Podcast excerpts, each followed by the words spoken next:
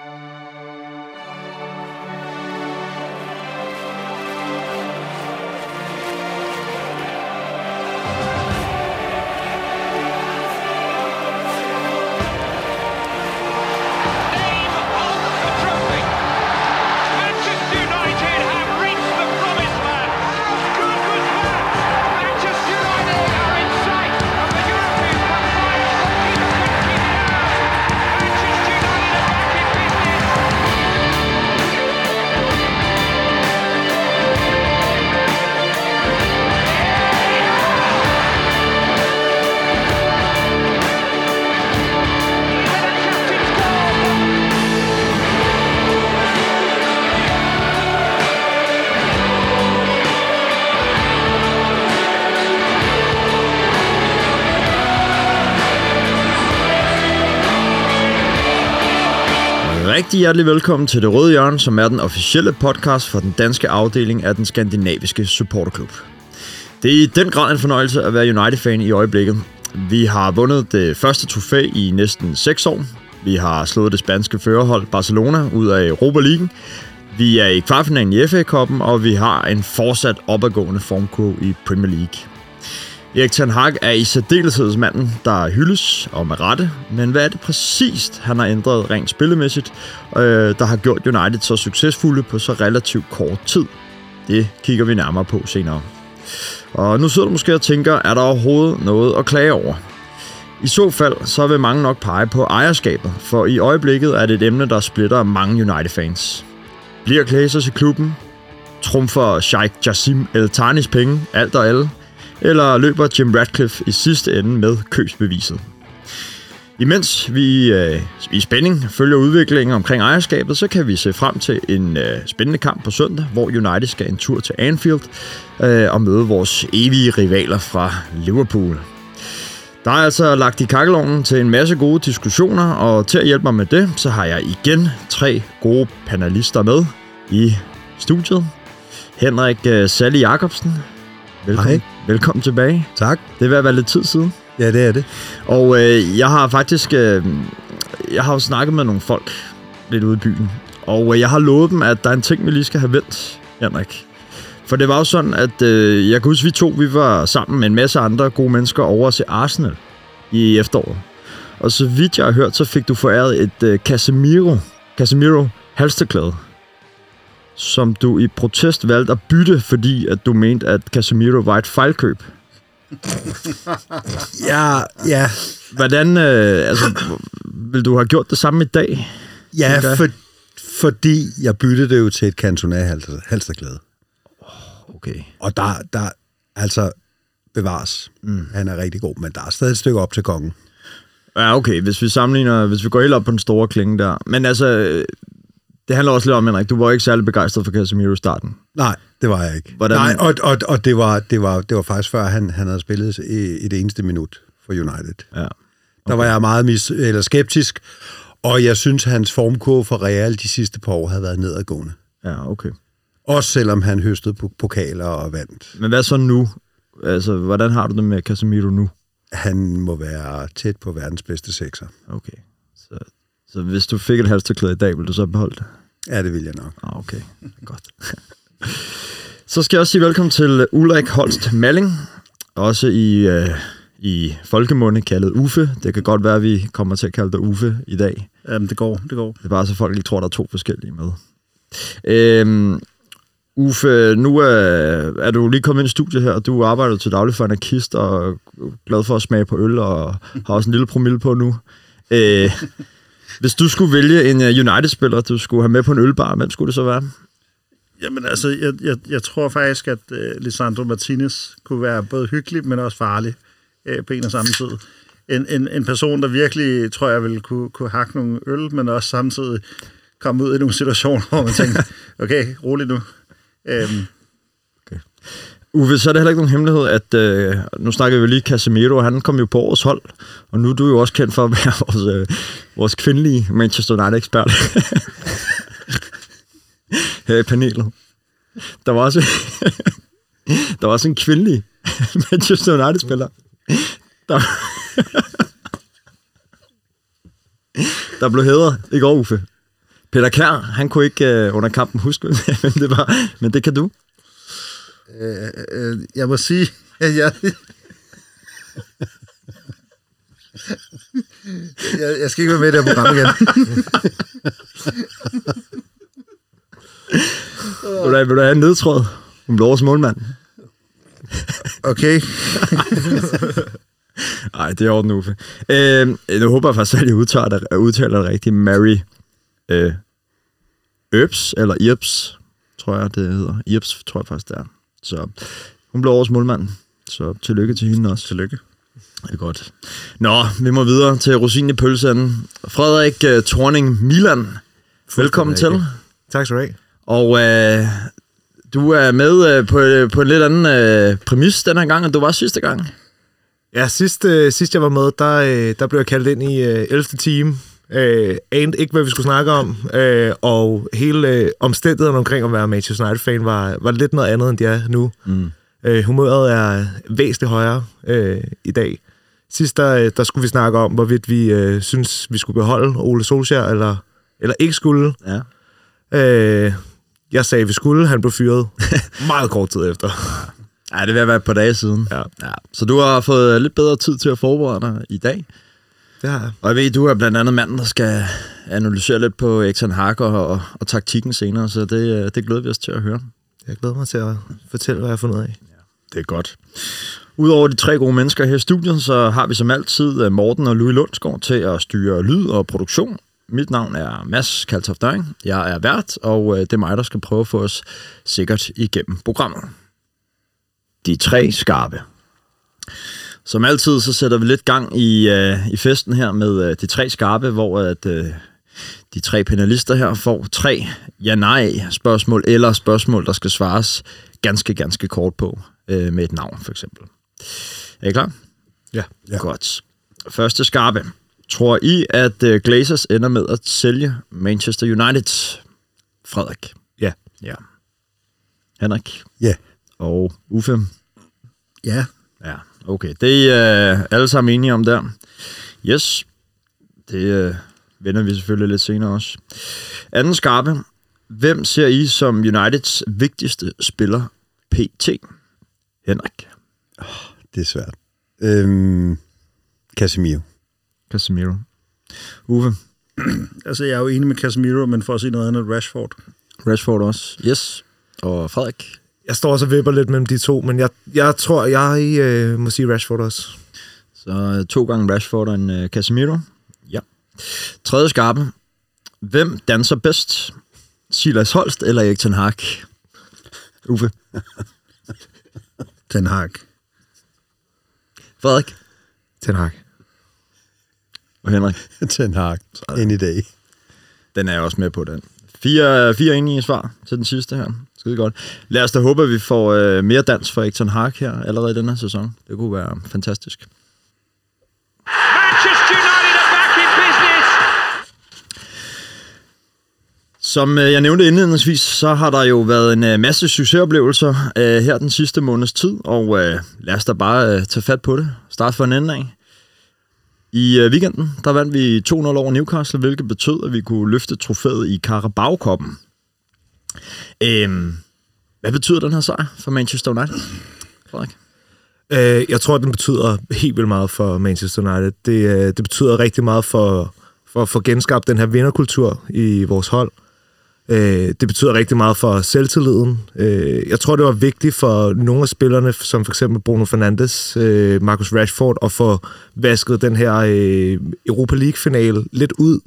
Øh, og måske komme ind i til den næste finale, en måske lidt større finale, men endnu lidt større selvtillid. Øh, og ligesom have, have prøvet det her med at vinde, og, og ikke være bange for, bange for bolden, når de øh, står i en lidt større finale. Så sådan, det rent mentale øh, ja. er vigtigt. Ja. Øhm, tror I det her, det bliver Uniteds eneste trofæ i år, eller får vi flere? Nej, vi får flere. Ja. Hvad, hvad tror du, Uffe? Jamen altså, øhm, ud over drømmen og forhåbninger, så tror jeg egentlig, at øh, FA-koppen er ret realistisk, øh, især til betragtning af, at vi har trukket Fulham. Øhm, kvartfinalen, og så virker det som om, der er en god vej, hvis man kigger på, hvem der er tilbage i FA-koppen. Mm. Øh, jeg synes heller ikke, at Europe League ser helt uoverskueligt ud. Øhm, og jeg synes, det, der var fantastisk ved at se øh, finalen i søndags, det var jo den der store naturlighed, de vandt med. Mm. Det var, jeg følte mig tilbage til gamle dage, hvor at det virkede som om, at der var en fodboldkamp, og United vandt. Og det kan godt være, at det ikke var ligekønt altid, men man følte bare hele tiden, jamen det var, det var United, der skulle vinde den kamp. Og øh, det føltes velkendt på en eller anden måde. At de, de lignede et vinderhold, den måde, mm. de, de greb det an på. Ja, fordi objektivt set var det jo ikke, var jo ikke den, den bedste kamp, men øh, Henrik, så du med samme følelse af, at øh, den var sikker hele vejen igennem i søndags? Ja, fuldstændig. Jeg synes, de kontrollerede Newcastle og havde dem lige, hvor de ville. Jeg synes også, det var tydeligt at se, at, at Manchester United øh, havde spillet hvad, to-tre dage inden, og Newcastle havde, havde haft otte dage til at, til at hvile sig i. Øh, den måde, Manchester United greb kampen an, at de, de turer og, og, og stole på, at hvis vi får vores mål, så skal vi nok kunne holde dem væk. Mm. Øh, så de spillede, spillede en professionel finale, hvor de lige præcis ikke spillede deres bedste fodbold.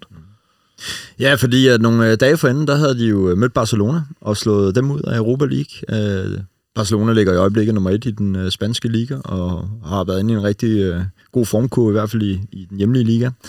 Øh, havde I forventet, at United ville slå Barcelona ud, inden at vi mødte dem? Ja, det havde jeg. Hvorfor det?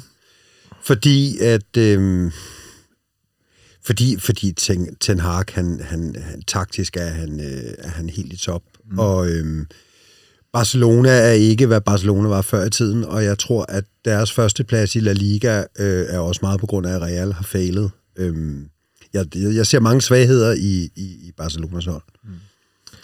Hvad, hvad, siger, hvad siger sejren over Barcelona, over Newcastle for den sags skyld, om, om, øh, om det Ten Hag øh, har gang i, det projekt, han har gang i United? Det siger vel bare, at han er ved at bygge et, et rigtig solidt fundament op for fremtiden, hvor at man både vinder de svære kampe, man vinder de grimme kampe, men man vinder også på, på et taktisk overskud. Altså, hvad fanden var det, der var? Der var otte øh, videoanalytikere øh, på Camp Nou for at se øh, United, eller Barcelona United. Altså, der er så meget sådan gennemført taktisk sådan, øh, sådan feel helt ned til, du ved, standard situationer som indkast, hvor at, at Ten Hag kan sætte sit præg på spillet.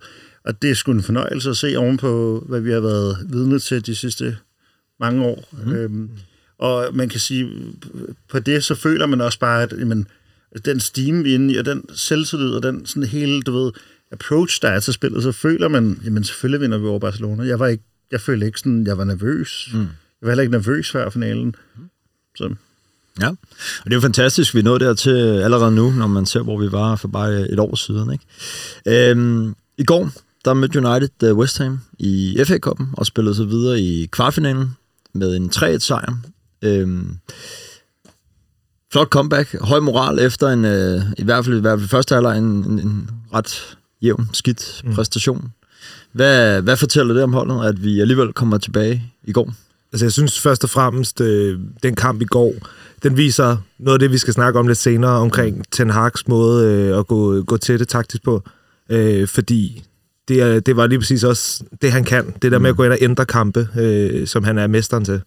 Nu var det jo primært reserverne, der fik uh, chancen i går. Er bredden god nok i Manchester United? Jeg skulle til at sige det. Jeg synes faktisk, at det viser, at vi har lidt problemer stadigvæk i bredden. Ikke? Fordi at det giver jo selvfølgelig mening efter en finale, og en Liverpool-kamp på søndag, som også er sindssygt vigtig, at man i den femte runde af FA Cup egentlig godt kan tillade sig at stille med sine B-kæder. Og, og ja, det var sgu ikke helt, øh, det var ikke helt overbevisende, det som der var i første halvleg. Øh, jeg synes, det var utroligt, hvad der skete, da Casemiro han, øh, kom ind igen. Øh, men jeg synes, det ser på, på, på midtbanen og også i det centrale forsvar. Altså, Harry Maguire og Lindeløf, de fører bare ikke bolden lige så godt frem, og du ser bare meget tydeligt, når David De Gea, han prøver at spille den op udefra, hvilket han efterhånden har vendet sig til med, med Varane og Martinez, at, at det kommer bare ikke lige så effektivt i spil, og det bliver lige pludselig ret hurtigt farligt, uden at man tænker, hvorfor skal det være farligt? Mm.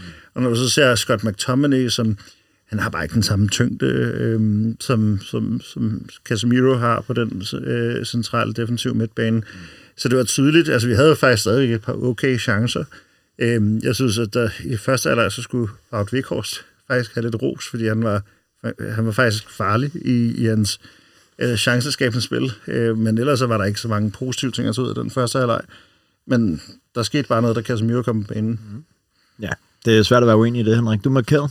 Øh, ja, men øh, ja, Uffe har været om det. Øh, jeg, jeg synes, det er udstillet, som Uffe også sagde, at vi har nogle problemer, øh, når vi stiller med B-kæden, og, og jeg, jeg tror faktisk, at jeg vil tage den lidt videre og sige, at jeg tror, det bliver et problem senere på sæsonen, fordi at der er så meget tryk på, øh, på kernen, mm. og de skal spille så mange kampe, og de får ikke pauser. Mm. Øh, Bruno, Rashford, Casemiro har været hvilet, fordi han blandt andet har haft et rødt kort og så videre. Men jeg tror bare, når kampene kommer i det her tempo her, jeg, jeg, jeg er svært ved at se, at de kan blive ved. Sidst men ikke mindst, så skal vi også lige have vendt den øh, hjemlige liga, Premier League, hvor vi har vundet tre af de sidste fire kampe, og lige en enkelt uafgjort mod Leeds på hjemmebane.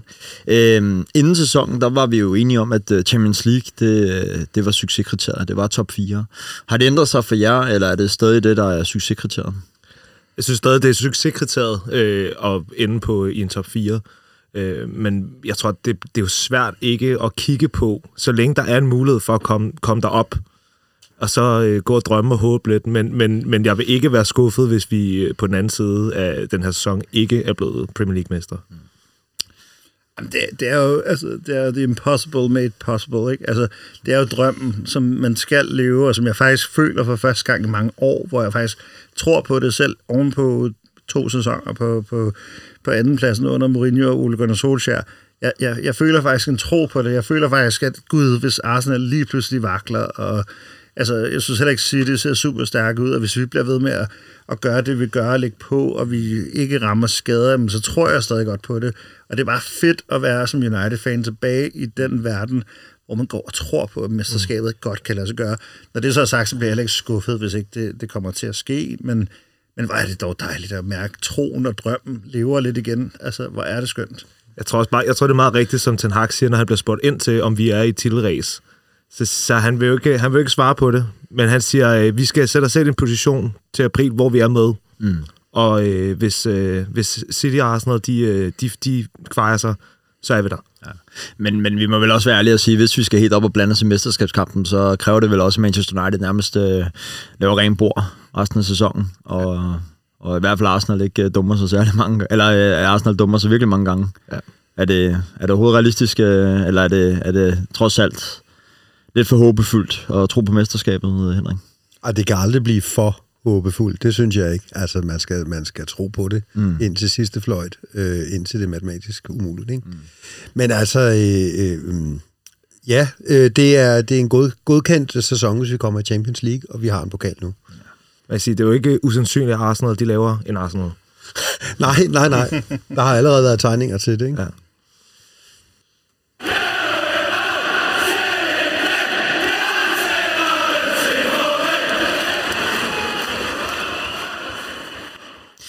Nu skal vi øh, snakke lidt om øh, ejerskabet af Manchester United, og det er faktisk et punkt, vi også havde oppe og øh, vende øh, for et par gange siden, men øh, det er jo en, øh, en højaktuel sag i Manchester United, og derfor så skal det selvfølgelig også have noget taletid her, det, det røde hjørne. Og øh, måden, vi griber det an på, det er, at vi tager udgangspunkt i, øh, i de tre scenarier, der pt. virker til at, at, at være mest realistiske, og det, der er mest i spil i forhold til ja, ejerskabet af Manchester United. Øhm, det første scenarie, det er, at Glazers vælger at blive, og dermed ikke sælge United. Det andet scenarie, det er, at uh, Sheikh Jassim Al-Thani, tror jeg, man udtaler det, for Qatar, han uh, køber United. Og det tredje scenarie, det er, at uh, Sir Jim Ratcliffe køber United. Og øh, jeg kunne godt tænke mig, at vi sådan prøver at tage lidt ejer for ejer, og så slå ned i, øh, i sådan tre ting. Økonomi, og øh, infrastruktur, altså sådan noget med, hvad er det, man ønsker at gøre for klubben med øh, sådan indadtil, for eksempel at forbedre Old Traffords faciliteter, træningsanlæg med videre. Og det sidste, det er, hvad vil reaktionerne for fansene være øh, på de her tre forskellige ejere. Og øh, lad os starte øh, på første scenarie, Glazers. Hvad øh, vil det betyde for Manchester Uniteds øh, økonomi? Den økonomiske situation i Manchester United, hvis Glazers de, øh, de bliver og hvorfor skulle de i, i det hele taget have incitament til at blive i United? Jamen altså, altså generelt kan man sige, at med ejerskiftet, så, øh, og det potentielle ejerskifte, så, så, så er fodbold jo kommet et mærkeligt sted hen. Altså fodbold er kommet hen et sted, hvor det er milliardforretninger, men som ikke, er, som ikke længere er reguleret, altså, som ikke er reguleret på samme måde, som milliardforretninger ellers er i verden. Altså, det er som om, vi er gået fra den her idé om, hvor at eliteidrætten finansierer breddeidrætten, og hvor idræt er generelt sådan en ting, hvor du har øh, en eller anden foreningsstruktur. Det er jo long gone. Så du ved, det har vi jo set i mange år, og vi har jo så set, at, at Glazers som mest horrible eksempel, men altså med Glazers, der ved du, hvad du får. Altså, vi ved, at vi får nok lidt mere gæld, vi ved, at vi får en underinvestering i klubben, vi ved, at vi får øh, altså ejere, der trækker dividender ud, på trods af, at der trænger til et nyt stadion, på trods af, at der trænger til nye ejerfaciliteter. Men jeg kan også godt selv se, at hvis de begynder at kigge på, at det sportsligt bliver lukrativt at forblive United ejer, hvorfor skulle de så sælge? Mm. Øh, og igen, det er ikke, fordi jeg har nogen som helst drøm om, at Glazers skal forblive ejer af United, men jeg synes bare heller ikke, at alternativerne er særlig spændende.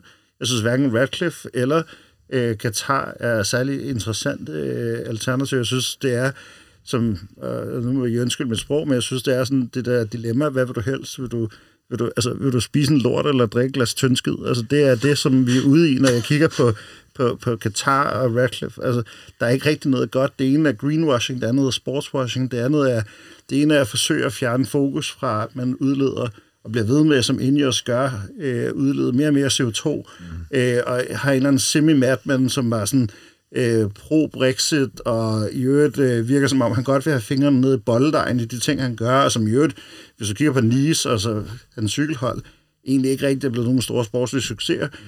Det er den ene side, og så den anden side, så har vi jo så den uh, Qatar-situation, uh, hvor at man kan sige, jeg er ikke i tvivl om, at vores stadionfaciliteter, vores træningsfaciliteter, alt vil blive opgraderet, men Ah. kan vi gå og leve med det? Uh, Nej, Ineos, Ineos cykelhold, det, det, altså... Ja, jeg tror lige, at nu, fordi prøv lige at tage den, øh, inden vi blander hele sammen i en stor øh, gryde her. Øh, nu siger du, at du har en forventning om, at økonomien ligesom øh, går den, i den samme retning, som det har gjort øh, ja, de det- sidste hvis det mange år. Hvis, hvis det, hvis, hvis det bliver og Glazers, Glazers, yes. Hvad med infrastrukturen? Altså, øh, skal vi kigge langt efter forbedringer af Old Trafford og øh, Carrington og, øh, Ja. og så videre? Jeg tror, hvis, øh, hvis, det, hvis det er øh, Glazers, der forbliver som mm. ejer af Manchester United, så kommer de ikke til at forbedre hverken Carrington eller Old Trafford, før de bliver tvunget til det. Altså, før at stadion det er ved at falde sammen, mm. eller øh, Carrington ikke står længere. Så, og, og økonomisk er det jo klart den dårligste løsning, det er at beholde øh, Glazers, fordi det betyder bare, så akkumulerer vi bare mere og mere gæld med dem, ikke? Øh, så jeg synes ikke, der er mange... Der er ikke nogen fordel ved at beholde Glazers andet, end vi ved, hvad vi får. Mm. Og hvad med, hvad, hvordan tror du fansreaktionen vil blive, øh, Henrik, hvis, hvis øh, det ender med, at Glazers øh, siger, at vi bliver her? Ja, men det, men altså, det er jo næsten uoverskueligt at tænke på, altså, fordi det kommer kun til at eskalere mere og mere. Altså, de har lagt en dæmper på det nu, ved at de har meldt ud, at de godt vil sælge. Ja, det, jo, det, de har jo ikke direkte sagt, at de gerne vil sælge, vel? Nej, men de har sagt, at de er åbne over for det. Mm. Og, og fortiden fortæller os, at Glazers er forretningsmænd til fingerspidserne.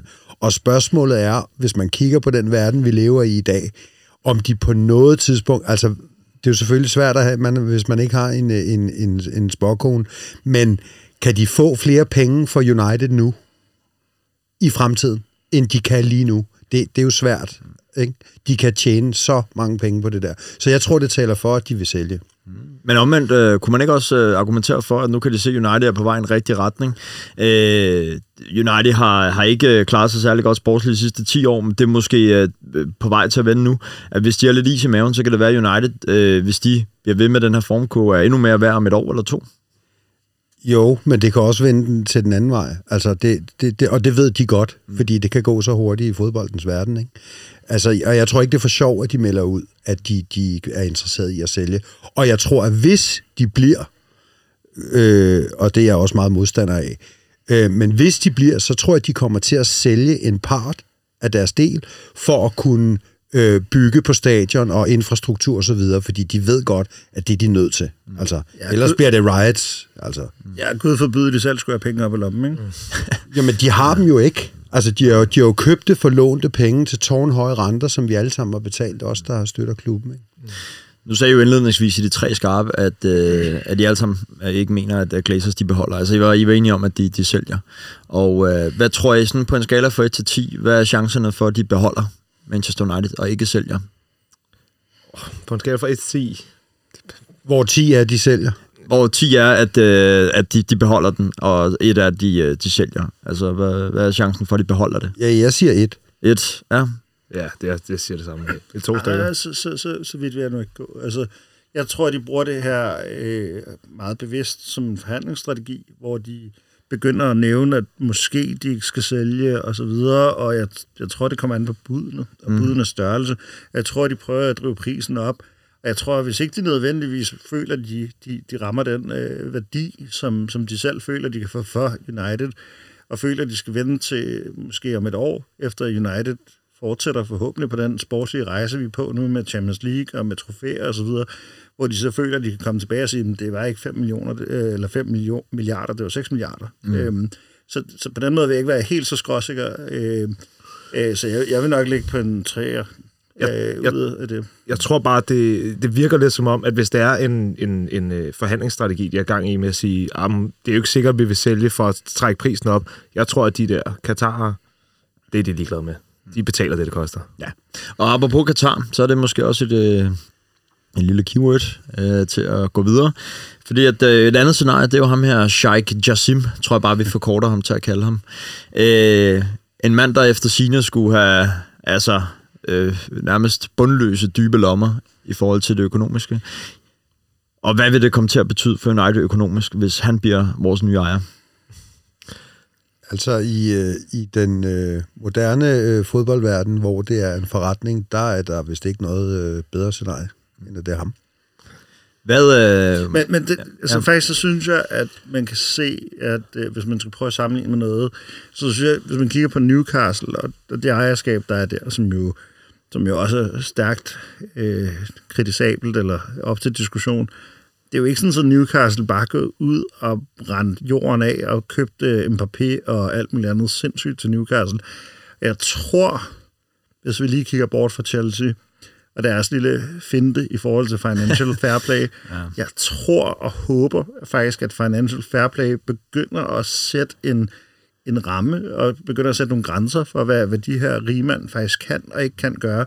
Og på den måde virker det sådan set som om, at den måde, som at øh, Saudi-Arabiens øh, øh, hvad der, øh, Bin Salman griber Newcastle-ejerskabet an på er ret klogt, fordi de har faktisk handlet klogt. De har ikke handlet dyrt, de har handlet klogt. Mm. Øhm, og jeg tror, at du ved, de kommer til at lægge på lag for lag for lag. Og jeg tror, at inden for en periode af 10 år, så kommer Newcastle helt sikkert kvæg deres økonomi til at være en, altså en a force to be reckoned with. Men jeg tror, at den måde, de bygger det op på nu, er de egentlig meget kloge omkring, at de ikke bare kan gå ud og, og købe øh, Neymar og Mbappé og Haaland, og så tro, at alting er godt. Og på samme måde tror jeg også, hvis vi får øh, Qatar-ejerskab, så tror jeg heller ikke nødvendigvis, at vi kommer til at se et eller andet helt crazy øh, shopping spree, men jeg håber, hvis vi får det øh, Qatar-ejerskab, at vi får set en opdatering af Old Trafford, det trænger der til, og vi får set en opdatering af Carrington, som, som også efter sine skulle trænge til en opdatering. Men det er, også, det er jo lige præcis det, de, de er kommet med, Katarerne, at de siger, vi har ikke tænkt os at gå ud og øh, splash the cash på nogle kæmpe store navne. Vi vil, vi vil satse på ungdom, og vi vil satse på akademiet, og vi vil satse på community, vi vil satse på ikke bare Old Trafford, men hele området omkring Old Trafford, at, at det hele det skal, det skal opgraderes. Øh, jeg tænker, Katarerne øh, er øh, rent sportsligt øh, det perfekte scenarie overhovedet. Rent moralsk, det værste overhovedet. Og det er jo så det næste, fordi nu har vi jo været lidt omkring det økonomiske aspekt i det, og også infrastrukturen, som, som de jo også vil kaste rigtig mange penge efter. Hvad med øh, fansreaktionerne? De har jo været øh, meget, meget delt, og der har været rigtig mange øh, hvad hedder, sådan nogle afstemninger rundt omkring på diverse sociale medier, hvor at, øh, man også kan se en, en, en fanskar, der er meget splittet omkring det her. Hvad tror I, fansreaktionerne vil blive, hvis øh, det ender med, at det er ham, øh, Sheikh Jassim fra Katar, der ender med at blive øh, ny ejer af United? Altså, jeg tror ikke, vi ser United-fans stå med øh, de der hovedbeklædninger på, som så Newcastle-fans gør. Det, det tror jeg ikke.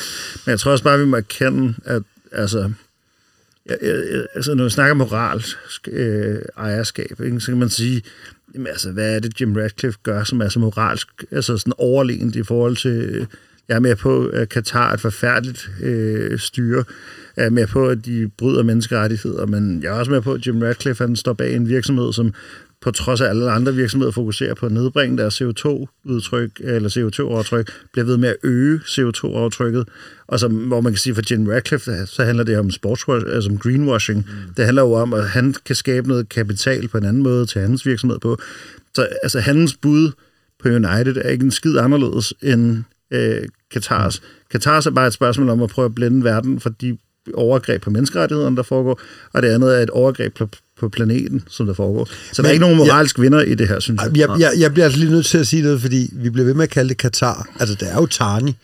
Og altså, vi, vi kalder jo heller ikke Radcliffe for England. Nej, men, altså, men, men, men der, er, der er noget med, med, med hvad hedder det, Altani. Øh, altså, når man, når man har behov for at gå ud og sige, at man ikke er en del af det katarske styre, så er man nok lidt en del af det katarske styre. Er det ikke noget, han er, er han, det? han er fætter, jo, han er fætter til ja, præcis, emiren? Eller præcis, han er fætter til emiren, og det er et subsidiær. Altså, det er jo grunden til, at de ikke insisterer på ikke at snakke om Katar, det er jo fordi, at der er så åbenlyse tråde til PSG, og der er jo helt flere klubs ejer øh, mm. problemet. Men det er der jo også med Jimmy Ratcliffe. Øh, men altså, du ved, vi skal heller ikke være blinde for, at det er ikke bare ham, ene mand, som der står bag det her. Det er det ikke. Jeg tror, hvis det bliver Katarerne, øh, det vil sætte en, en, en kile ned imellem øh, mange United-fans. Jeg tror, der er mange United-fans, som, som... Jeg tror ikke største del, men jeg tror, der er mange, der vil sige, det, det, det kan jeg simpelthen ikke stå inden for, det her. Øh, så hvor... du tror også, at der er nogle United-fans, der vil boykotte Manchester United, hvis det bliver Sheikh Jassim Al-Thani? Jeg, ja, jeg, tror, jeg, jeg, jeg tror, at det er, et, det, er et, det er et fåtal, men jeg tror, at der er nogen, der vil sige, det, det, er, ikke, det er ikke det er min klub, det, det går ud på. Men jeg kan det, det, det er jo det, der er så svært med ja. moderne fodbold. Det er jo lige præcis det der. Det er jo lige præcis der, hvor at, at det, er jo, det, det, der er så færdigt, det er, det er der, hvor at man har som fans, så at sige, by the balls. Fordi det samme, da Europe Super League øh, var en samtale. Ja, så var der fans, der protesterede, og så var der det ene og det andet. Der er så tit, hvor man så, som fodboldfan siger, det vil jeg ikke være en del af, nu boykotter jeg lortet. Men det gør man ikke. Altså, VM i, i Katar, hvor mange snakkede om, at det boykotter vi. Mm. Det gjorde man ikke. Altså, og vi skal være helt sikre på, at 2030, der skal vi til VM i Saudi-Arabien. Der bliver samme historie. Der kommer til at være rigtig mange, der snakker om, det boykotter vi. Det er synd for kvinder og homoseksuelle og en masse andre. Men at the end of the day vil vi se giraffen, når det er, at øh, Mbappé og så videre løber banen til et VM. Det vil vi gerne. Og vi er jo, altså, vi er jo alle sammen små drenge, som elsker fodbold og, og inderst inde. Og det er jo det, der er så tavligt. Og det er jo også derfor, at der sidder nogle, altså, nogle grådige og griske folk, som udmærket er klar over det her. Men, men har vi nogen, har, har vi fans overhovedet noget, skulle have sagt? Skal vi ikke bare, øh, altså, er det, er det, vi kan vel bare kigge på, eller hvad? Hvor mange år har fans protesteret mod Glazers? Har ja. de solgt det nu, eller? Jeg vil også sige, at Glazers de skider højt og flot på, hvad United-fansene synes. Men nu nævnte du selv Super League før, hvor at, øh, de jo trak den tilbage nærmest lige så hurtigt, som det var blevet proklameret, at det, det, det skulle blive til noget. Netop på grund af en masse øh, ja, fan... Nej, nej, ikke på grund af en masse fan på styr, på grund af, hvad der PSG's ejer, som var kæmpe modstander af det. Og hvorfor er han det? Fordi han er med i UEFA's eksekutiv komité, og fordi at UEFA selv barsler med et lignende øh, format. Så du ved, altså jo, det lød rigtig fint at sige, at vi ja, the fans, og we support the fans i deres protester, og derfor vi var lige for hurtige og alt muligt andet. Mm. Jeg tror i virkeligheden, det handler om noget helt andet. Det handler netop om, at, at der i UEFA var nogle stærke kræfter, som egentlig blandt andet PSG, der arbejder med en, et, et UEFA-styret Super League-format, øh, som det er jo faktisk det, Champions League er på vej til at udvikle sig til. Mm. Så det var ikke, jeg tror ikke, det var fansene, der gjorde, at, at, at der lige pludselig var en masse ejere, der tænkte, åh oh, nej, det kan vi ikke. Henrik. Og det, det er jeg ikke enig i. Jeg, jeg, altså, folkets stemme, det spiller en rolle. Det er altafgørende for det her. Det er derfor, sponsorerne smider penge. Det er derfor, at tv-selskaberne kan komme med de penge, de kan. Det er altså os, der betaler for det. Og når folket samler sig, det var jo fangrupperinger fra alle de involverede klubber, øh, der, der var imod det her, flertallet, så trækker de sig. Men Henrik, er det realistisk, at fansene i, i hobetal samler sig, hvis det bliver øh, Sheikh Jassim Al-Thani? For United, nej. nej. Okay. Så øh, det, jeg kan jeg sådan høre på jer, det er, uanset de moralske grubler, så må vi jo nok bare affinde os med, at det er sådan, det er, hvis det ender med at blive, øh, blive ham, der, øh, der kører United. Så skal vi også omkring den, øh, det sidste scenarie, og nu har Uffe allerede taget, øh, taget lidt hul på ham. Men øh, det er jo så øh, Jim Radcliffe, som jo også er inde i billedet og, øh, og skulle, øh, i hvert fald i forhold, i forhold til de officielle udmeldinger, har lagt et, øh, et bud på, på Manchester United. Øh, økonomisk, hvad, hvad får vi med ham? Fordi det er, vel ikke, det er jo ikke ligesom Glazer, men det er jo heller ikke helt ligesom øh, Sheikh Jassim. Ej, Jim Radcliffe er lidt den, øh, den bløde mellemvare mellem øh, Glazers og øh, Sheikhen. Øh, det er, som jeg forstår det, så vil Ineos, hans firma Ineos, de vil optage Manchester Uniteds gæld.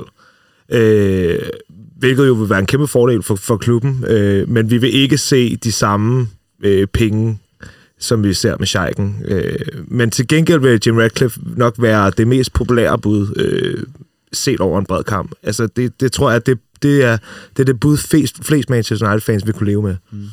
Og i forhold til, øh, til økonomien, og hvor meget, hvor meget vil han ligge i infrastrukturen i Manchester United, tror jeg? Vil han øh, gå ind og renovere Old Trafford og Carrington og alle de ting, som vi, vi trænger til? Jeg, jeg tror, han vil være klog nok til at åbne op for øh, altså sælge nogle øh, andele af klubben for at kunne komme dertil. Enig. Ja.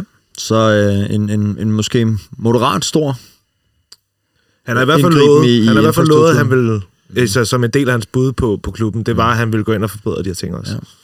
Og nu, øh, ligesom med vores, øh, vores kære Sheik før, vi snakkede om, så er Jim Radcliffe, han deler jo også lidt vandene blandt Manchester United-fans. Særligt i England er han jo det, det populære valg, men, men uden for England, der er, det, der er det lidt mere hip som haps, lidt mere delt. Øh, Henrik, øh, hvordan tror du, øh, den, øh, den brede, brede fanskab vil tage imod Jim Radcliffe som ejer? Jamen, jeg, jeg tror, den brede fanskab, der, der tror jeg, der vil være et flertal, der vil være positivt stemt over for uh, Radcliffe.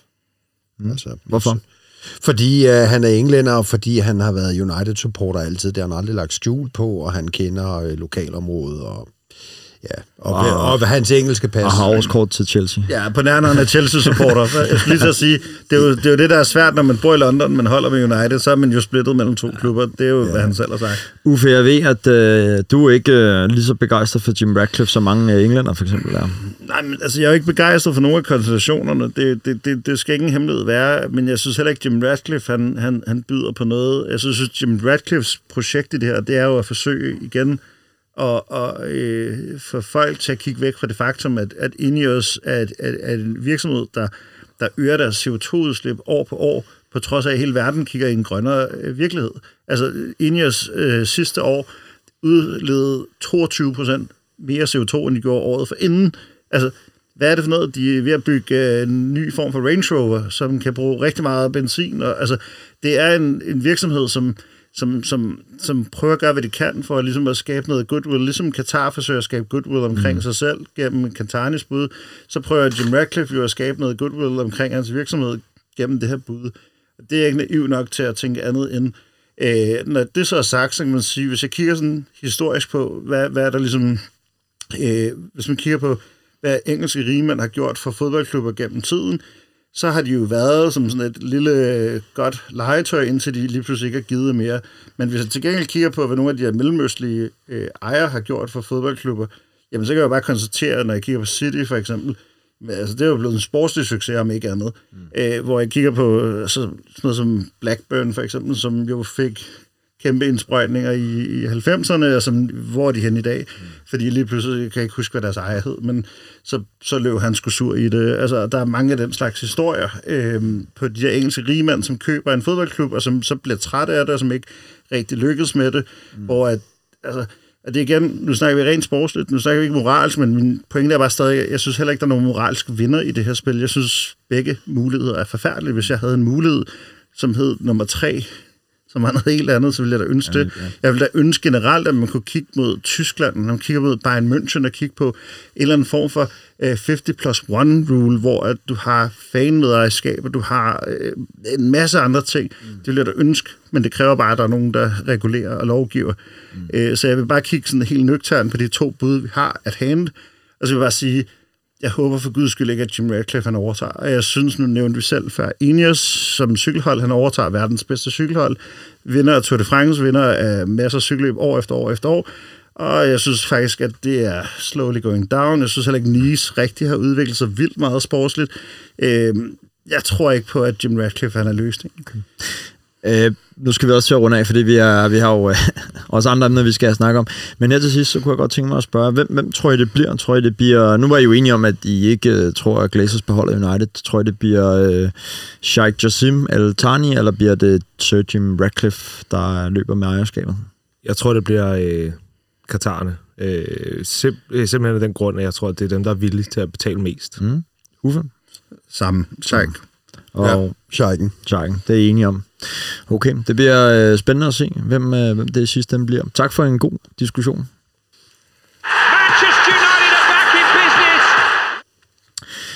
På søndag, der skal øh, United en tur til Anfield, hvor vi skal møde Liverpool, og det er jo et opgør, som betyder rigtig, rigtig meget meget for begge fangrupper. Og øh, det er jo oftest øh, den kamp, man ligesom kigger efter først i kampprogrammet, det er, hvornår er det, vi skal møde Liverpool. Øh, jeg kunne faktisk godt lige tænke mig at starte med et lille quizspørgsmål. Hvornår vandt United sidst på Anfield? Pas. Det eneste, jeg kan huske, det var Marta, der lavede uh, Saxe. Jamen, det var faktisk ikke den kamp. Der var en efter. Men jeg kan sige så meget, manageren hedder Louis van Gaal. Au. Ej, men jeg må også sige pas. Det er lidt tid siden. Pas. 17. januar 2016. Wayne Rooney 1-0. Ah, Det er ved at være, øh, være nogle dage siden. Hvad, øh, hvad er jeres forventninger til kampen øh, på søndag? jeg glæder mig. Jeg glæder mig rigtig meget. Ja. Det er, det er som du siger, det er, det er den kamp, man kigger frem til, når man, når man får kampprogrammet. Øh, og øh, jeg har, jeg har ikke, det er lang tid siden, jeg glæder mig så meget til en kamp på Anfield, fordi at fornemmelsen er så god. Mm. Øh, og jeg tænker, øh, jeg tænker vi, vi kan forvente, at det bliver en svær kamp. Det, det, det gør lige meget hvad, men, men, men vi er favoritter. Og altså, hvornår har vi sidst været favoritter på Anfield? Ja. Okay. Øhm, nu, øh, nu er du meget optimistisk, øh, Frederik, og det går måske ud fra bunder i, øh, i en god form. Den gode form, United er i. Men, men de her kampe, altså, kan man bruge form til noget? Har de ikke lidt deres eget liv, de her kampe, eller hvad? Jo, jo, det har de. Og altså, men jeg, men jeg så også, altså, apro- apropos form, så Liverpool er ved at komme tilbage, og Van Dijk er kommet tilbage efter skade, og han er begyndt at se skarp ud igen dernede, og det er bare et helt andet Liverpool-hold, når Van Dijk er i form. Altså, jeg, det, jeg, øh, jeg håber så meget, at Frederik får den fedeste kamp på søndag. Jeg gruer lidt for den. Hvorfor? Fordi at øh, Liverpool kan godt lide at spille kontra, og jeg tror, at vi kommer til at køre offensivt på dem og møde dem i højt pres. Og øh, Nunez, han, han brænder meget, men han løber også stærkt, og, og Salah er Salah. Altså, jeg, jeg, jeg ser nogle faresignaler, og øh, ja. Hvordan ser du de to klubbers styrkeforhold, Uffe? Jamen, altså, jeg er sådan set ikke uenig. Øhm, jeg, jeg er også bekymret. Men jeg, jeg sætter mig lige midt imellem. Jeg, jeg, tror, jeg tror, det kommer meget an på, på, øh, på, på starten af kampen. Hvem kommer ud og vil det mest? Og øh, i sidste ende, til syvende og sidst, når vi snakker sådan en kamp, hvor der er så mange følelser på spil, så er formen, som du selv siger, det betyder lidt, men det betyder ikke alt. Taktik betyder meget, men betyder ikke alt. I sidste ende, så kommer det ud på, hvem der på dagen vil det mest, og hvem har lige det der ekstra gear, hvem har det der ekstra drive, hvem har det der ekstra takning i sig, øhm, når det er, det bliver svært, og når det er, du bliver presset i bund.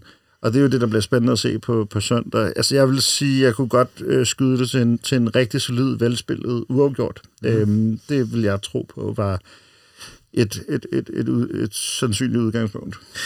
Henrik, nu, nu har du, en- du sagde før, du havde en forventning om, at United kom ud med en offensiv tilgang til, til kampen. Har, deler, I, øh, deler I, øh, kan man sige, samme forventning som Henrik, eller kunne man godt forestille sig, at United måske alligevel går lidt mere pragmatisk til værks?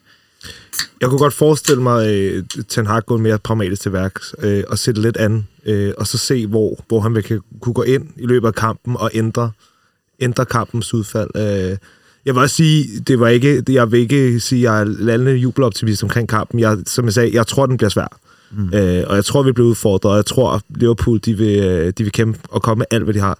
Øh, men om, om man kan udelukke form fuldstændig, jeg vil sige, forrige sæson, da, da de smadrede os fuldstændig, da United var i en øh, horribel form, og Liverpool var i en rigtig god form, der, der tænker jeg også, det, det, det spiller lidt ind, øh, og der kunne vi ikke hamle op med dem. Jeg tror ikke, vi kommer til at smadre dem øh, på den måde, men, øh, men, men jeg tror, jeg tror, de vil være bange for det, United kan komme med. Øh, jeg tænker, de har også set øh, vores kampe mod Barcelona og vores øh, Liga Cup finale, øh, og den måde, vi også vinder øh, et, øh, et truende nederlag mod øh, West Ham kampen op til. Men, men, jeg, men jeg tror faktisk, at du har fuldstændig ret i det der med, at form betyder noget, men jeg tror, form betyder noget i forhold til, hvornår det første mål bliver scoret. Fordi den kamp, som du refererer til, hvor vi blev smadret, så var det jo også bare den, at vi ret hurtigt var udklasseret. Altså, hvor man så kan sige, jamen så, så, så, bliver, så bliver det hele sådan, at altså, så bliver det bare bygget på, og så, så tror jeg, så bliver det sådan, at vi er også i dårlig form, og vi, vi vinder ikke, og vi scorer ikke, og det er stolpe ude for os. Så jeg tror bare, at det der, hvis man kan ride stormen af, altså de første kvarter, for jeg tror, jeg tror selvfølgelig på, at United kommer til at komme ud guns blazing, men det tror jeg altså også, Liverpool gør. Jeg tror altså, at Liverpool kommer, kommer ud første kvarter og prøver at, at ligesom sætte sig på det her opgør, og hvis vi kan ride det af, mm. så er det et åbent opgør.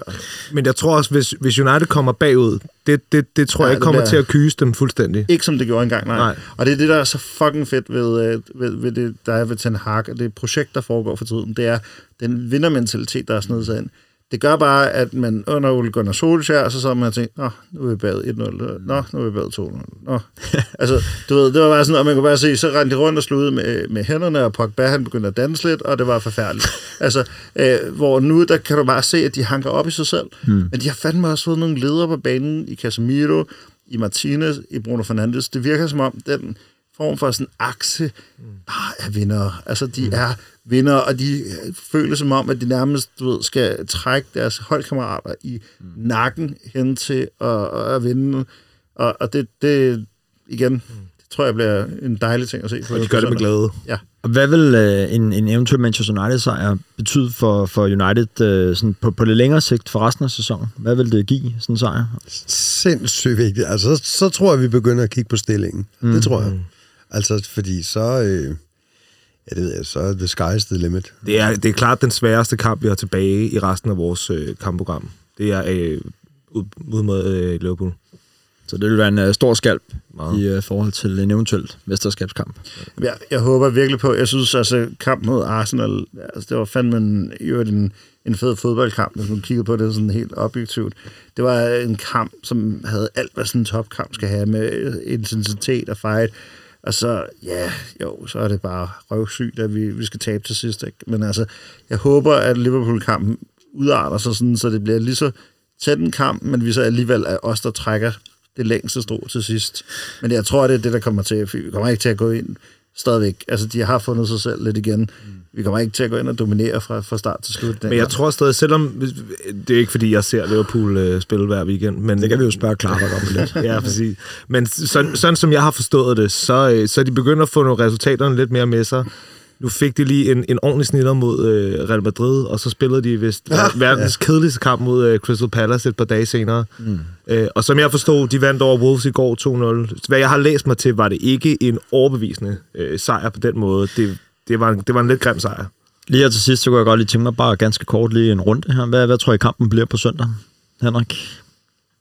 1-1. 3-2, eller 2-3 til United. Eller 3-2 til United. Sådan. 3 United. 3 United. Så der, der er god optimisme på her.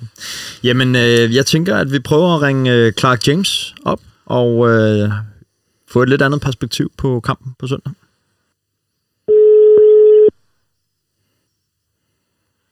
Det er Clark. Hej Clark, det er Mads inden for det røde hjørne. Hej Mads. Velkommen til. Jo tak. Og Clark, øh, ganske kort inden øh, vi begynder at, snakke lidt sammen, så skal jeg jo lige præsentere dig for lytterne. Du er øh, formand for fanklubben Redman Family, og øh, så kender folk dig måske også for den populære podcast øh, PL-showet, hvor du jo blandt andet sidder med vores gode ven Jonathan og kloger dig på Premier League-fodbold. Det er korrekt. Sådan. Clark, øh, tak fordi du har lyst til at være med her i det røde hjørne, og øh, vi har jo inviteret dig med for at få lidt perspektiv øh, på kampen på søndag. Ja, jeg skal se, hvad jeg kan gøre. Ja, det, er- det er fantastisk. Vi har allerede taget lidt hul på, øh, på snakken omkring kampen på søndag, men vi må nok også øh, erkende, at vores, vores øh, sådan dybdegående kendskab til Liverpool er jo ikke verdens største, fordi vi jo ikke øh, ser dem hver weekend, men, men det gør du. Ja, Går vi stærkt ud fra i hvert fald. Hvad er det for et øh, hold, Manchester United skal møde på, på søndag? Hvad er det for en øh, form, Liverpool kommer i? Uha, jamen, øhm, jeg kan huske, at jeg var gæst hos jer for, hvad er det, halvanden års tid siden, eller, eller noget i den stil, og der var situationen lidt en anden, ikke? Øh, så, øh, så bøtten er vendt rundt. Øh, Liverpool er et hold i øh, en, øh, hvad kan man sige, en overgangsfase. Øh, et hold, der i i den grad øh, slider med, øh, med stabilitet og med, ja, ikke et hold, man kan regne med, så at sige. Øh, bunden er ligesom gået ud af den der meget, meget stabile maskine, som Jürgen Klopp har bygget op med sit holdversion 1.0, øh, og nu skal der bygges op mod et nyt hold. Øh, så situationen er den, at øh, Liverpool sådan nærmest øh, lidt ud af det blå har øh, ligesom øh, bygget en stime, eller sat en stime sammen med, med, med 10 point over de sidste fire Premier League-kampe, hvor man har holdt målet rent i alle kampe. Men ind mellem de kampe i Premier League, der har man øh, inkasseret fem mål til Real Madrid i Champions League. Så det, er øh, det opsummerer meget godt Liverpools sæson et eller andet sted, at øh, der er stabilitet midt i ustabiliteten, og på den måde kan man ikke regne med noget som helst. Okay. Og øh, så er det måske også svært for dig at svare på næste spørgsmål, men hvad, hvad forventer du så af kampen på, på søndag? Jamen, det er nemlig helt, helt umuligt for mig at svare på, fordi man kan sige, havde du spurgt mig i første halvleg i gårdsdagens kamp mod Wolverhampton, jamen så havde jeg øh, sagt, at det var noget rigtig lort. Og så kommer der en opløftende periode i anden halvleg, som gør, at man lige pludselig tænker, om der er sgu noget fight og noget, noget vilje og noget, altså noget rytme af en eller anden art i det her hold, som, som gør, at man tror på det. Men altså, for fan, hvad skal man sige, Manchester United kommer ind med måske sammen med Napoli det mest imponerende momentum i, øh, i europæisk fodbold i øjeblikket det her opgør, så det bliver jo det bliver enormt svært. Men øh, lige præcis øh, momentum har vi også snakket lidt om her, Clark, fordi de her kampe, har de ikke lidt deres eget liv? Altså kan man bruge momentum og form til noget i sådan nogle kampe her? Jamen, det kan man godt. Altså, det, det er jo sådan en ting, man, man tyrer til at sige, det her med, med, at de lever deres eget liv. Og det gør de jo for så vidt også i forhold til, at der er jo nogle nerver og noget historie og noget opbygning til kampen, som gør, at øh, det ofte kan blive fastlåst på en måde, som ligesom forbiser øh, form og, øh, og, og ja, netop momentum og sådan nogle ting. Men man skal jo ikke længere tilbage end sidste forår, hvor de to hold mødes, og hvor man kan sige, at historien var jo lidt den samme, bare med omvendt foretegn. Liverpool går ind til, til opgøret, har vundet Ligakoppen, øh, har kurs mod øh, store ting, eller har i hvert fald store ambitioner i, i alle turneringer. Der er ligesom tur i den, og et Manchester United-hold, der slet ikke kan finde rytmen. Og det blev også bare udslagsgivende i den kamp, hvor øh, jeg var på Anfield og, øh, og, og så et Liverpool-hold, der fuldstændig pillede øh, Manchester United fra hinanden, fuldstændig som forventet inden kampstart. Så det er jo klart, at det er jo det, jeg, jeg står og kigger på og tænker, uha, omvendt situation, kan United tage, tage, tage nogle af de samme redskaber med ind til opgøret og, øh, og se sig forbi øh, det pres, der er for omverdenen, jamen så, øh, så frygter jeg da helt klart, at det bliver en svær opgave for Liverpool. Ja. Og hvad, Clark, bare her til sidst, hvad, hvad, hvad tror du kampen øh, bliver på søndag? Ja, men jeg skal jo være optimist og netop øh, klynge mig til det naive håb om, at presset for omverdenen bliver for stort øh, og, og, og spiller ind til Liverpools fordel. Vi spiller på hjemmebane, og øh, jeg synes trods alt, at i enkelte opgør den her sæson, når det, når det virkelig er brændt på, jamen, så er man steppet op på hjemmebane. Jeg tænker på Merseyside, der er blevet, jeg tænker på, da man netop havde besøg af formstærke Napoli i Champions League, der vinder man også. Da man har besøg af City, der vinder man også. Så jeg siger 2-1 Liverpool. Så jeg 2-1 til Liverpool. Sådan. Jeg kan så sige, at øh, der er ikke nogen i panelet her, der er enige med dig. Øh, her der er en... Øh, chok. ja, chok, ja. ja. Øh, men øh, Clark, det bliver, jo, øh, det bliver jo spændende at se, hvem der trækker det længste strå, og uanset hvem man holder med, så, øh, så er det jo altid de her kampe, man øh, glæder sig mest til, når man er Liverpool United-fan. Ja. Så øh, god Absolut. kamp, og øh, yes. så må jeg bare være ærlig og sige, at jeg håber, at I taber. Ja, men lige år. ja, det er i orden. Tak fordi du havde tid til at være med, Clark fornøjelse der. Det er, det er godt. godt. God aften. Ja, lige måde. Hej du. Hej. Hej. Nå, den gode Clark James, han, øh, han tror på sit hold på søndag. Altså, jeg er jo imponeret, at en Liverpool-fan kan sige så mange øh, flotte ord. Øh, altså.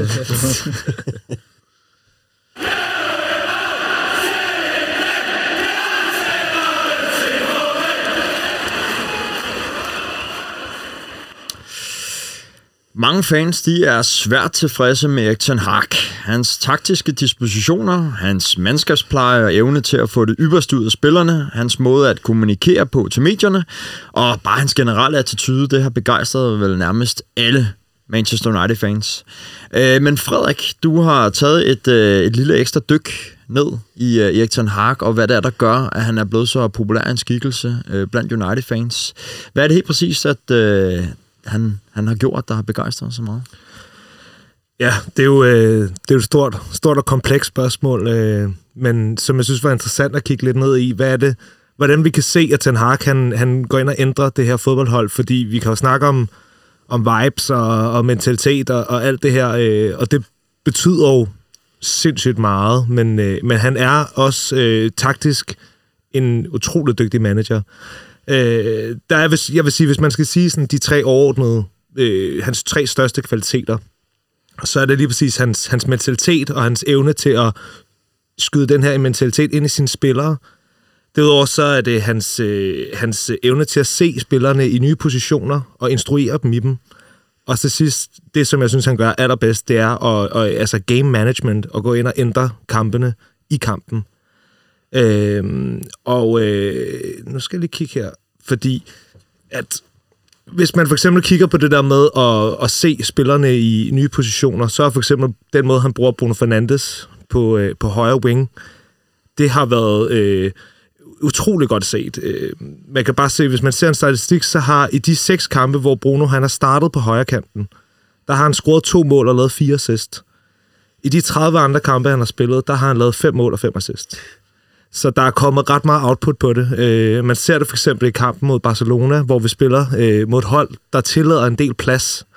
Og det betyder, at Bruno han får rigtig meget plads ude på højre kanten, hvor der tillader ham at lave de her indlæg. Øh, og han laver også et assist. Det er så godt nok for venstre kant, men han laver en assist til, øh, til Fred i den kamp. Øh, det samme gør han mod Leicester, da vi er, da vi er foran. Så øh, har vi Bruno ude på højre kanten, og det, der, øh, det tillader ham også at lave den øh, rigtig smukke assist til... Øh, Sancho øh, til 3-0-målet. Øh, når vi så spiller de her kampe, hvor der, vi spiller mod lidt mere lavtstående hold, så, øh, så ser vi, at så vil han så tyre Ten Hag mere til at bruge typer som Sancho eller øh, Anthony, altså de her spillere, som er lidt mere bedre en mod en. Men, øh, men, men, men det, er en, det, er en, det er en god opfindelse af, af, af Ten Hag at bruge, øh, bruge ude på højre kanten. Og der er andre øh, hvad hedder det, der er andre øh, tilfælde, hvor han ligesom har ændret. Der er Weghorst som tiger. Øh, jeg vil sige, da vi første gang vi så det i en kamp, jeg vil sige, hvis der er nogen football-manager-typer derude, der selv havde set at putte det der to meter høje klodset monster ned som en tiger, og tænkte, det kommer til at skabe en masse plads, øh, så, øh, så, så vil jeg gerne have den person til at komme ud og øh, manage mit øh, syvmandshold, øh, fordi så er han genial. Men, øh, men det virkede. Øh, det virkede, og... Øh, og sætte ham derned. Øh, vi har også set Lindeløf som en central øh, midtbanespiller. Øh, vi har set Shaw, i hvert fald især i vores possession-spil, så går Shaw faktisk nærmest ind og spiller som en 8 øh, tit. Øh, når vi går op og spiller, øh, når vi spiller i øh, vores possession-spil, så spiller vi en 3-1-6 tit, eller en 3-2-5 hedder den så, med en Shaw inde, så, som, øh, som spiller som en 8. Øh, ja, og øh, hvis vi så ser på hans, øh, hans måde at gå ind og ændre øh, kampene, der kan man sige, der har øh, United den her sæson, det er det hold, der har flest mål lavet af indskiftere i hele Europa. Det er 27 mål, der er lavet af indskiftede spillere. Øh, som jeg tænker, det må være en statistik, som Ten Hag, han, er, han må være, være godt stolt af. Øh, men han, han, er, han, er, han er så dygtig til at gå ind og se, hvordan han kan ændre øh, dynamikken i kampene. Øh, hvis man bare tager West Ham-kampen i går, da vi kommer bagud, der er øh, rimelig prompte, sætter han selvfølgelig Casemiro ind. Det vil sige, det er naturligt at sætte Casemiro ind i stedet for McTominay. Det er en, det er en naturlig opgradering. Men han, går også, han tager også Lindeløf ud og sætter øh, Martinez ind øh, for at få mere flow i sit opbygningsspil øh, og få sin venstrebenet øh, hvad hedder det, playmaker ned i sit forsvar. Øh, og fra han laver den indskiftning, der har øh, West Ham, de har jo nærmest ikke bolden resten af kampen. Jamen, han gjorde det jo også i, øh, i søndags mod Newcastle, hvor han øh, egentlig skiftede en relativt velspillende, der lå ud med Van Bissaka, fordi man havde behov for lidt mere defensiv tyngde mod øh, St. Max Mang, som løb cirkler omkring. Øh, der lå som jo ved største styrke ikke nødvendigvis ligger i det defensive. Det var også super godt set. Og så mm. samtidig med, at der lå at fået et gult kort. Men det gjorde faktisk også noget. Altså i forhold til, at vi skulle forsvare os i anden halvleg. Altså ja. vi stod meget stærkere. Ja. Så det synes jeg egentlig er meget fint. Mm, og, og, og sjov i midterforsvaret. Ja, ja, lige præcis. Det var også... Fremragende set, altså. Ja, han kom jo ind og lige der, da vi manglede Martinez på et tidspunkt, og han har mange af de samme... Wolverhampton. Ja, lige præcis. Ja. Han har mange af de samme kvaliteter, som Martinez også har. Øh, han er måske endda en lidt mere fysisk spiller end, end Martinez. Øh, øh, ej, det, det, det vil jeg så måske gerne trække tilbage, men, men rent, krops, rent kropsligt er han måske. Han, han vejer nok lidt mere. Ja. øhm, men det er i hvert fald, Ten Hag, han er en, han er en utrolig øh, progressiv manager, og en utrolig moderne manager. Øh, jeg tror, han har for eksempel, øh, hvis du sammenligner ham med Van Raal, den måde Van Raal han spillede fodbold på, det var det her utrolig statiske fodbold. Øh, en position, det var en position, og du, du blev på den position, og så spiller vi bolden rundt, og så skal vi nok få den skudt ind over på et tidspunkt. Øh, hvor Ten Hag's måde at spille fodbold, den handler mere om, at din position, det er dit udgangspunkt fra, hvor du laver dine bevægelser. Øh, og så øh, spiller vi noget utroligt dynamisk fodbold, hvor vi kan rykke rundt på, hvor vi står hele tiden. Øh, som er noget, han også øh, nok har lært fra øh, for eksempel Pep Guardiola. Ja, eller øh, Johan altså, øh, Cruyff. Altså, det, det er ren Cruyff. Altså, det er ren Holland, total fodbold. Det der med, at alle spillere stort set skal spille, hvad for en position det kan være på banen. Og det der med, at der ikke er... Altså, du, ved, du har hele tiden de her flydende overgange. Jeg synes, det der imponerer mig mest ved, ved, ved taktikken og ved vores spil, det er noget af det, som jeg vil øh, så gå stille til over under Ole Gunnar Solskjaer, det var, vi kunne aldrig bygge et hurtigt angreb op. Vi kunne aldrig lave kontra, men vi kunne aldrig bygge et hurtigt angreb op. Det virker som om, alle spillere altid lige skulle røre bolden nu tre gange, inden de disponerede den videre. Hvis man ser, hvor vanvittigt effektive vi er blevet i de der første gangs afleveringer, og hvor vanvittigt skarpe vi er blevet til dem, det er helt vildt. Altså den forandring, der er sket i løbet af, af den øh, hvad der delvise sæson, vi har haft med Ten Hag nu. Altså, hvor det, det bare kører som sådan, du ved, duk, duk, duk, duk, og hvor du kan se, at du efterlader jo så modstanderne fuldstændig som kejler på banen, fordi når du laver gode førstegangsafleveringer, så vinder du plads. Ja. Og det, det synes jeg er meget tydeligt at se, øh, at fungere rigtig, rigtig ja. godt. Ja. ja, de spiller bare, de spiller bare dynamisk. Øh, altså, det, det tror jeg, det er det ord, jeg vil mest vil sætte på det. Hvis du kigger på, hvordan... Øh, nu savner vi jo, at Christian Eriksen har gjort det et stykke tid, men, men da han spillede ind, der var han heller ikke bleg for at gå ned i, i, i en trebakkæde og så fordele spillet helt dernede fra, øh, så, vi, så vi ligesom hele tiden, vi har hele tiden gang i bolden, vi har hele tiden gang i bevægelserne. Øh, det er, det er dygtigt set. Frederik, nu ved du sidder der med en lille liste der. Har, har du mere på listen, øh, vi, skal, øh, vi skal høre omkring Ten Hag? Øh, jamen, øh, jeg tror ikke, jeg har, øh, jeg har mere noter, som jeg tror, jeg fik sagt lidt kort, end jeg har ja, skrevet dem ned. Det er fint, fordi ellers så kunne jeg godt tænke mig at spørge, hvad tror jeg så, at det, det næste træk for Erik Ten Hag bliver? Hvad bliver det næste taktiske lag, han, han bygger på? Jamen, det, det må helt sikkert være at, at skabe lidt mere sådan uforudsigelighed for kanterne, fordi mm. at lige nu, hvis man kigger på Anthony, øh, som jeg knuser elsker ham egentlig, men, men han har et træk, det er at trække ind i banen og forsøge at afslutte, eller forsøge at aflevere.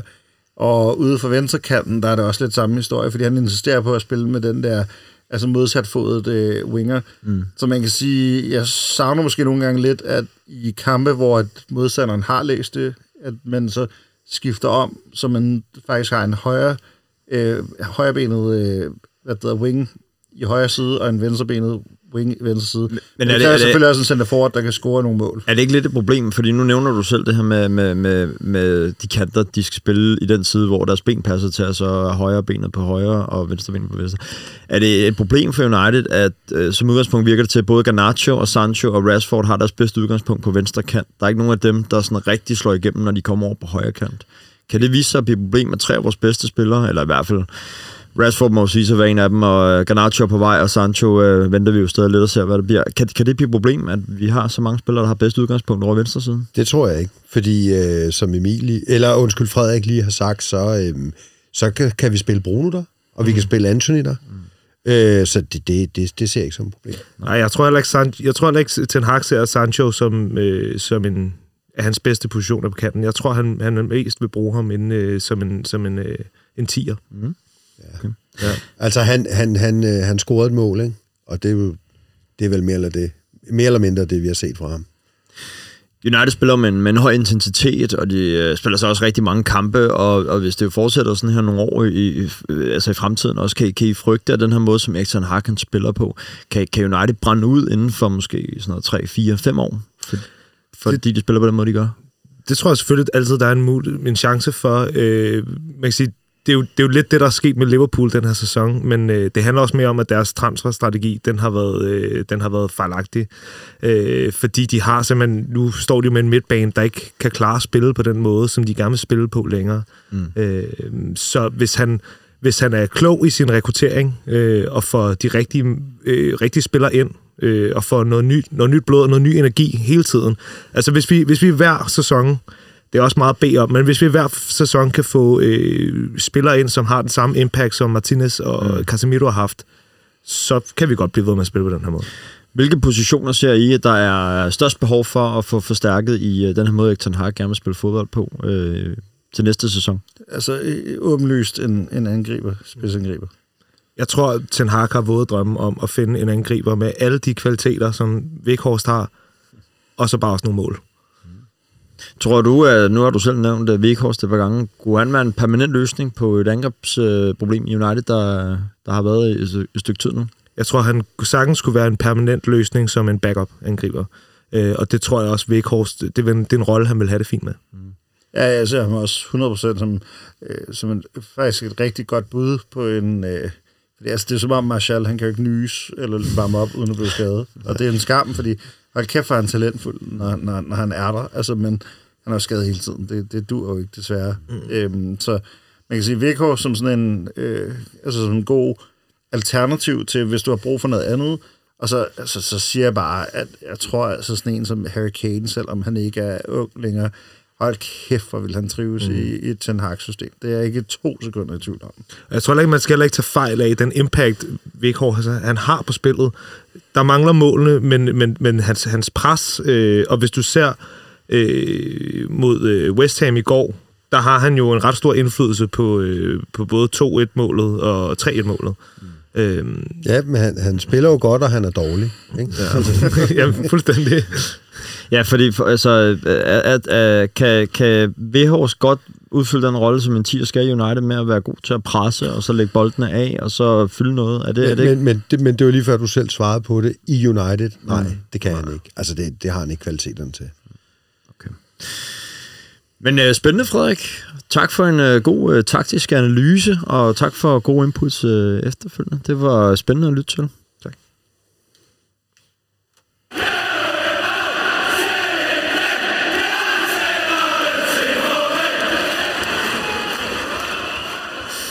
Nu er det jo sådan, at vi øh, laver et nyt program cirka en gang om måneden, så nu prøver vi lige at kigge lidt ind i marts måned og se, hvad der, hvad der venter os der. Nu har vi jo forventet Liverpool-kampen, som venter på søndag.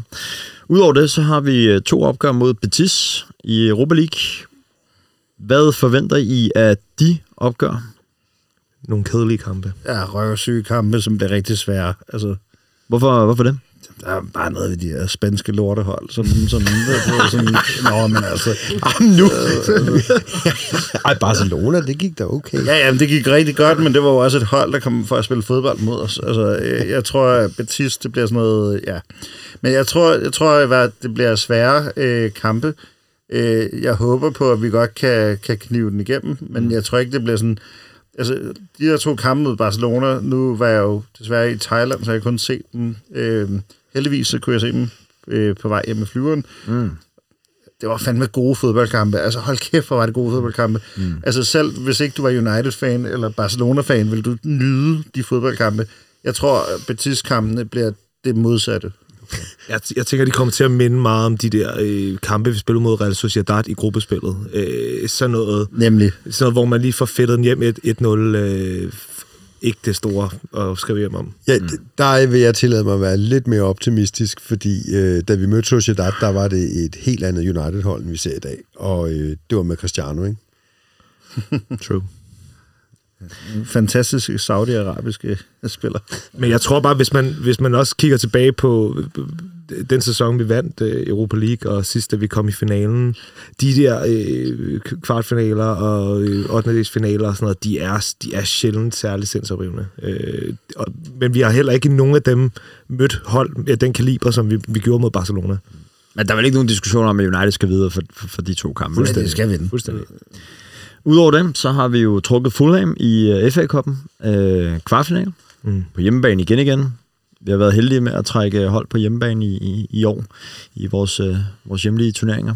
Ja, hvad var det, hvad var det sandsynligheden for, at vi har trukket så mange hjemmebanekampe i træk? Var sådan 13.000 mod 1 Det var helt sindssygt. Altså, det er en helt usandsynlig ting, at vi ja. har trukket så mange gange hjemmebane. Men hvis vi går igennem, skal vi heldigvis ikke tænke på det til næste runde, fordi så er det på Wembley. Yes. Og hvis vi er så heldige at gå videre derfra, så er det også på Wembley igen. Henrik, øh, hvad er dine forventninger til, øh, til Fulham-kampen i FA-koppen? Øh, jeg tror, den kommer til at øh, starte sådan lidt stille og roligt, og så tror jeg, vi kører den hjem 2-3-0. Ja, det er sådan lidt en, øh, en West Ham-kamp om igen. Ja, ja, år. og så, så måske vi skal lidt op i gear og sådan noget. Øh, har en, en sløv start, og så tror jeg, vi sætter det på plads. Ja. Og så har vi jo selvfølgelig ud over Liverpool-kampen kun en enkelt øh, Premier League-kamp i marts måned. For der også øh, kommer en landsholdspause øh, lidt senere ind i marts måned. Det er mod øh, Southampton på hjemmebane. Øh, det er vel også bare en kamp, der skal, der skal, hvor der skal tre point ind på kontoen. Fuldstændig. Tre point, og måske også lige frem pyntes lidt på, på, på, på målscoren. Ja, jeg tænker også, det, det, det, det er en kamp, hvor de får et ben til jorden. Det tror jeg ikke. Manchester United are back in business. Drenge, vi er, vi er ved at nå øh, dertil, hvor vi skal til at runde af og sige øh, tak for i dag. Tak fordi I må komme. Selv tak. Det har været en fornøjelse at have jer med hele vejen rundt. Tak for nogle øh, gode diskussioner. Tak for nogle gode inputs. Selv tak. Jeg synes, I har været kloge hele vejen rundt. Tak. Tak. tak. Og godt, Tak. Øh, og godt styret. Tak, Frederik. Det er der ikke mange, der siger. Nej. Nej. Drenge, tusind tak for øh, den her gang, og øh, husk, at I derude er meget velkomne til at give os feedback og komme med konstruktiv kommentar på vores øh, podcastopslag øh, på vores Facebook eller Instagram-side Det Røde Hjørne. Husk også, at vi rigtig gerne vil inddrage jeres lytterspørgsmål i podcasten, så skulle du sidde inde med noget, du gerne vil have, at vi skal debattere, så skriv ligeledes i kommentarfeltet på Facebook, når vi reklamerer med en kommende podcast. Fortæl os rigtig gerne jeres gode United-venner eller veninder om vores podcast. Det vil vi blive så glade for. Hvis du skulle sidde med en drøm om at komme til Manchester og se de røde djævel spille på Old Trafford, så husk, at du for blot 199 kroner om året kan melde dig ind i den skandinaviske supporterklub på www.united.no og derigennem få en rejsepakke til en rigtig god pris. Du får tre overnatninger på hotel, inklusiv morgenmad centralt i Manchester og kampbillet, hvor du selv kan vælge sæde blandt super- øh, supporterklubbens pladser, eksempelvis på Stratford End, til en pris på ca. 2.000 kroner. Det eneste, du selv skal klare herudover, det er flybilletten, og det kan varmt, varmt anbefales. Det var alt for os i den her omgang. Vi er tilbage med et nyt afsnit om cirka en måneds tid. Mit navn er Mads Kaltoff Nøring, og på vegne af hele teamet bag det røde hjørne, så vil jeg sige tusind tak, fordi du lyttede med, og vi håber også, at du er med næste gang.